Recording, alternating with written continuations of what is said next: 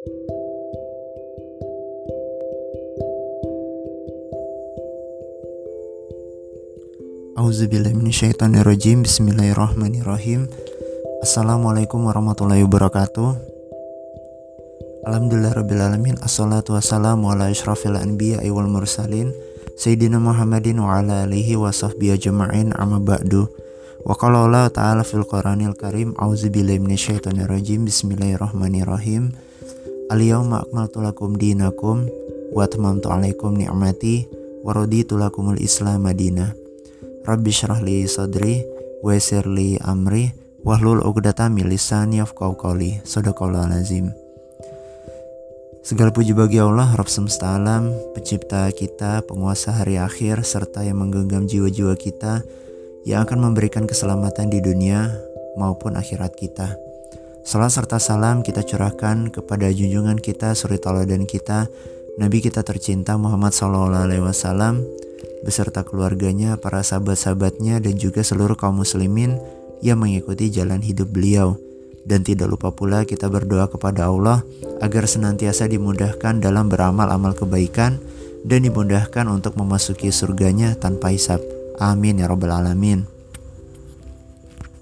Sahabat-sahabatku, pendengar podcast Cahaya Zaman, Zunun Sulaiman, di mana pun kalian berada, Apa pun keadaan kalian, sedang apa kondisi kalian, baik sehat maupun sakit, ya, saya ucapkan terima kasih. Masih mau stay, masih mau tetap mendengarkan uh, apa-apa yang saya share. Dan mohon doanya agar diberikan keistiqomahan dan diberikan kemudahan untuk menyampaikan uh, ilmu Islam dan diberikan juga kesehatan untuk sesama kita semua baik pendengar baik uh, yang muslim maupun tidak gitu kan. Karena memang apa yang uh, yang saya sampaikan ini itu mungkin tidak hanya dibutuhkan untuk muslimin saja tetapi justru malah orang-orang uh, yang non muslim juga membutuhkan orang-orang yang bukan Islam pun, bisa mendengarkan uh, kajian ini. Uh, semungkin uh, sebelum kita lanjut uh, pembahasan kita terkait dengan bab yang sebelumnya yaitu tentang masih dalam bab yang sama ya yaitu terkait dengan adab-adab berbicara adab-adab ngomong gitu kan adab-adab mengajar apa pun yang berkaitan dengan lisan. Itu yang ke depannya nanti akan kita bahas ya sebelum kita mulai mari kita baca basmalah terlebih dahulu Bismillahirrahmanirrahim ya kita mungkin lanjut uh, masih dalam bab yang sama di kitab pilar-pilar pengokoh nafsiyah Islamiyah yaitu masih di bab ada berbicara. Nah, kita masuk ke poin berikutnya. Poin berikutnya adalah pandai memilih topik pelajaran sesuai dengan fakta kehidupan manusia. Nah, ini masih berkaitan tentang adab mengajar Nah, kenapa demikian? Karena hal ini perlu dilakukan untuk menjaga pelajaran yang diberikan terasa hidup. Contoh misalnya, jika orang-orang terlihat sedang membutuhkan pemantapan akidah, maksudnya adalah keyakinan, maka hal itu dilakukan. Jika umat terlihat sedang disesatkan oleh situasi atau sikap politik tertentu, maka persoalan itu harus dijelaskan. Jika telah menancap pemikiran atau hukum yang salah atau menyesatkan, maka harus dijelaskan sekaligus dijelaskan pula pendapat yang benar. Nah, jadi memang kalau misalnya kondisi masyarakat itu sedang negatif, maka kita harus menyampaikan hal-hal yang positif. Jadi kalau misalnya ada yang salah, maka kita harus membetulkan, menyampaikan yang benar itu seperti apa. Nah, itu salah satu adab mengajar. Kalau uh, seorang ulama itu pernah mengatakan gitu kan Syekh Taqiyuddin Nabhani itu menyampaikan bahwa e, men, me, apa ibarat kayak meletakkan garis lurus di di sisi di samping garis yang bengkok. Nah, intinya adalah kalau misalnya kita ada melihat e, ada yang bengkok, maka kita harus meluruskan. Itulah tugas e, seorang yang e, paham, seorang yang mengerti Islam, seorang yang berdakwah. Contoh misalnya gini, di sini disampaikan di kitab ini termasuk perkara yang menyesatkan bahkan amat buruk jika kita memilih topik pelajaran al-khulu. Al-khulu itu ya perceraian atau permintaan istri.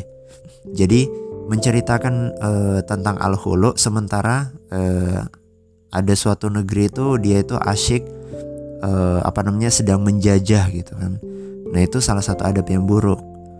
Atau topik tentang wanita mengendarai mobil pada saat Masjidil Aqsa menjadi tawanan Yahudi.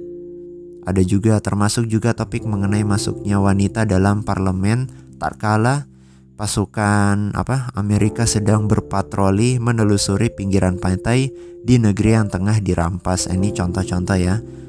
Atau memilih topik hukum duduk untuk takziah pada saat minyak bumi kaum muslim sedang dijarah musuh atau membahas hukum-hukum tentang rambut padahal kehormatan Masjidil Haram sedang dilanggar dan berbagai topik yang serupa. Jadi memang ada kayak misalnya gini kondisi kaum muslimin atau misalnya kondisi masyarakat itu sedang terpuruk gitu kan. Tetapi ketika di khutbah itu yang disampaikan yang tidak berkaitan dengan kondisi yang adanya itu kan sangat disayangkan gitu kan harusnya uh, uslub khutbah itu kadang disalah apa ya disalahgunakan uh, beberapa khotib itu kan justru malah dipakai untuk ya kuliah gitu kan. Padahal ya kuliah itu apa padahal maaf uh, khutbah itu justru malah bukan uslub untuk menyampaikan kuliah gitu kan. Jadi bahas uh, fikih tapi di khutbah nah itu bukan waktu yang tepat. Seharusnya uh, saat-saat khutbah itu adalah yang disampaikan adalah wasiat-wasiat takwa atau menyampaikan kondisi-kondisi genting kemudian menjelaskan uh, problemnya apa gitu kan. Kemudian sekaligus solusinya apa. Kan biasanya kan kalau khutbah itu kan kenapa orang itu pada ngantuk karena yang disampaikan ya justru bukan informasi-informasi terkini gitu kan. Justru malah yang disampaikan adalah sesuatu yang tidak ada kaitannya atau mungkin uh, yang sudah sering orang-orang dengar. Seperti itu. Makanya kan Rasulullah SAW Nabi kita tercinta itu kan ketika khutbah itu kan selalu berapi-api gitu kan. Membangkitkan semangat membangkitkan harapan gitu kan. Seperti itu. Dan kita harap uh, para khotib itu ya memotivasi kita sehingga kita itu nggak jenuh gitu kan nggak apa ya nggak bosan ketika dengar khutbah seperti itu. Kemudian di sini disampaikan menegur orang bodoh yang menyalahi dan meremehkan hukum syarak termasuk juga orang bodoh yang mencari-cari alasan kepada seorang fakih yang mempunyai pendapat yang berbeda dengan pendapat gurunya atau mudaris Dalil atas yang pertama adalah hadis yang diriwayatkan oleh Al-Hakim. Ia mensahihkannya dari Abdullah bin Al-Mughaffal. Ia berkata, Naha Rasulullah sallallahu alaihi wasallam anil khazab. Rasulullah sallallahu alaihi wasallam telah melarang dari al-khazaf. Nah, apa itu al-khazaf? Kalau di sini tuh disampaikan al-khazaf adalah melempar-lempar batu kecil atau biji-bijian dalam suatu majelis. Kalian ambil di antara dua telunjuk, kemudian melemparkannya atau dengan alat pelanting, semacam ketapel untuk melemparkannya. Al-Hakim berkata, ada seseorang yang melempar-lempar batu kecil di dekat Abdullah Al-Mughaffal. Kemudian ia berkata, "Aku sedang menceritakan kepadamu tentang Rasulullah SAW, sedangkan kamu justru melempar." Demi Allah aku tidak akan mengajakmu berbicara lagi selamanya. Nah, jadi di sini tuh disampaikan ada pernah uh, suatu kajian ini seorang ulama itu sedang menceritakan tentang Rasulullah. Maksudnya sedang ya mungkin membacakan hadis hadis Rasulullah menyampaikan riwayat-riwayat dari Rasulullah tetapi pas kajian itu ada orang-orang yang yaitu gak fokus gitu kan gak fokus sama orang yang mendengarkan ya kayak guru ngajar di kelas kemudian kita itu asik sendiri. Mungkin asik sama HP kita. Uh, habis itu juga ngelempar-ngelempar sana sini bercakap-cakap bercanda-canda dengan teman-teman kita. Di saat mungkin guru ngaji kita sedang menyampaikan sesuatu. Nah itu justru malah uh, tidak boleh gitu kan. Bukan adab yang baik. Justru malah itu adab yang buruk ya jadi jangan dicontoh gitu kan perilaku seperti itu. Ya meskipun kalau mungkin guru kita itu membosankan ya kita niatkan bahwa ketika kita mendengarkan kajian itu karena Allah gitu kan. Seperti itu. Dalil yang kedua adalah hadis riwayat Ahmad dan Abdullah bin Yasar dengan sanad yang dikatakan oleh Al-Haisami Para perawinya terpercaya sesungguhnya Amr bin Haris berkata kepada Ali radhiyallahu anhu, "Apa pendapatmu tentang berjalan bersama jenazah di depan atau di belakangnya?" Kemudian Ali radhiyallahu anhu berkata, "Sesungguhnya keutamaan berjalan di belakangnya atas berjalan di depannya adalah seperti keutamaan sholat wajib dengan berjamaah atas sholat wajib sendiri."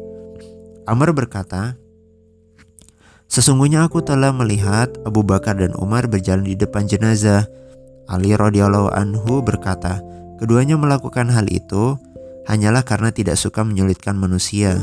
Maksudnya, ini tanda ada tanda kurung, maksudnya hingga tidak diduga orang-orang bahwa berjalan di depan jenazah itu tidak boleh. Nah, jadi di sini tuh diceritakan bahwa ada ada ini ada orang-orang itu yang memang e, mengadu-ngadu pendapat ataupun e, bertanya tetapi ditambah-tambahi dengan e, kayak mengadukan e, apa ya mengadu-adu pendapat. Pokoknya istilahnya kan se seolah-olah itu kayak ini eh mafhum mukhalafa itu kan kayak pemahaman terbalik. Kalau nggak begini berarti begini. Kalau nggak begini berarti begitu. Nah itu biasanya tuh ada yang seperti itu.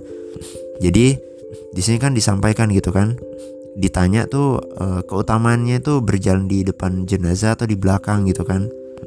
Nah, di sini kan yang ditanya oh dijelaskan gitu kan oleh Ali bahwa oh ke keutamaan yang bagus itu ya yang di depan berjalan di depan. Cuma masalahnya gini, kalau misalnya semua orang itu jalannya di depan terus yang yang megang keranda mayat tuh siapa gitu yang jalan di belakang ya, nggak mungkin semua orangnya itu di depan gitu kan. Kalau semua orang itu berbondong-bondong apa namanya ngambil yang utama terus yang di belakang siapa gitu kan. Jadi seperti itu. Makanya di sini kan disampaikan maksudnya itu hingga tidak diduga orang-orang bahwa berjalan di depan jenazah itu tidak boleh gitu. Nah, jadi seperti itu. Kemudian mendengarkan baik-baik orang yang bertanya yang sedang diajar Abu Nuaim dalam Al-Hilyah dan Ibnu Hibban dalam Raudatul Uqala berkata kami dikabari oleh Muadz bin Sa'ad Al-Awar. Ia berkata, aku pernah duduk dekat atau bin Abi Robah. Kemudian ada seseorang berbicara tentang sesuatu, lalu tiba-tiba ada orang lain dari kaum itu menyela ucapannya. Muadz berkata, kemudian Atok marah dan berkata, perangai apa ini? Sungguh aku akan mendengarkan perkataan seseorang padahal aku lebih tahu tentang apa yang diucapkannya. Aku akan memperlihatkan kepadanya seolah-olah aku tidak lebih baik pengetahuanku darinya tentang apa yang dikatakannya. Nah, jadi kita itu kalau misalnya ada orang yang sedang bicara, ada orang yang bertanya kepada gurunya, alangkah baiknya itu kita membiarkan dia itu ya bertanya gitu kan intinya adalah jangan kita itu memotong uh, orang itu yang bertanya gitu kan. Ada orang-orang yang apa namanya suka memotong pembicaraan gitu kan. Atau misalnya di sini kalau yang di riwayat ini kan disampai disampaikan ada seseorang itu bertanya kepada so seseorang yang lain gitu kan. Kemudian mungkin kita merasa pertanyaan kita itu lebih penting daripada pertanyaan dia. Nah itu kalau bisa adab yang baik itu ya kita menahan diri jangan ikut campur ketika ada orang yang sedang bertanya. Biarkan dulu dia menyelesaikan pertanyaannya, kemudian biarkan dia menjawab seperti itu. Makanya kan di sini disampaikan ya, e, perangai apa ini? Maksudnya ya eh, kelakuan apa ini kok kayak gini gitu seperti itu. Sungguh aku akan mendengarkan perkataan seseorang padahal aku lebih tahu tentang apa yang diucapkannya. Jadi memang kan contoh misalnya kalau di medsos itu kan ada orang-orang yang uh, bertanya gitu kan. Bertanya kepada yang posting gitu kan. Tetapi ada orang yang tahu-tahu lewat jawab uh, apa menjawab pertanyaan yang apa namanya yang komen. Padahal kan si komentator itu bertanya kepada yang posting gitu kan. Tapi ya ada orang-orang ya tahu-tahu ikut jawab gitu kan. Yang ditanya siapa yang jawab siapa gitu kan. Nah ya, jadi seperti itu. Nah itu salah satu adab yang buruk gitu kan. Maka ya memang adab berbicara ini sangat penting gitu kan.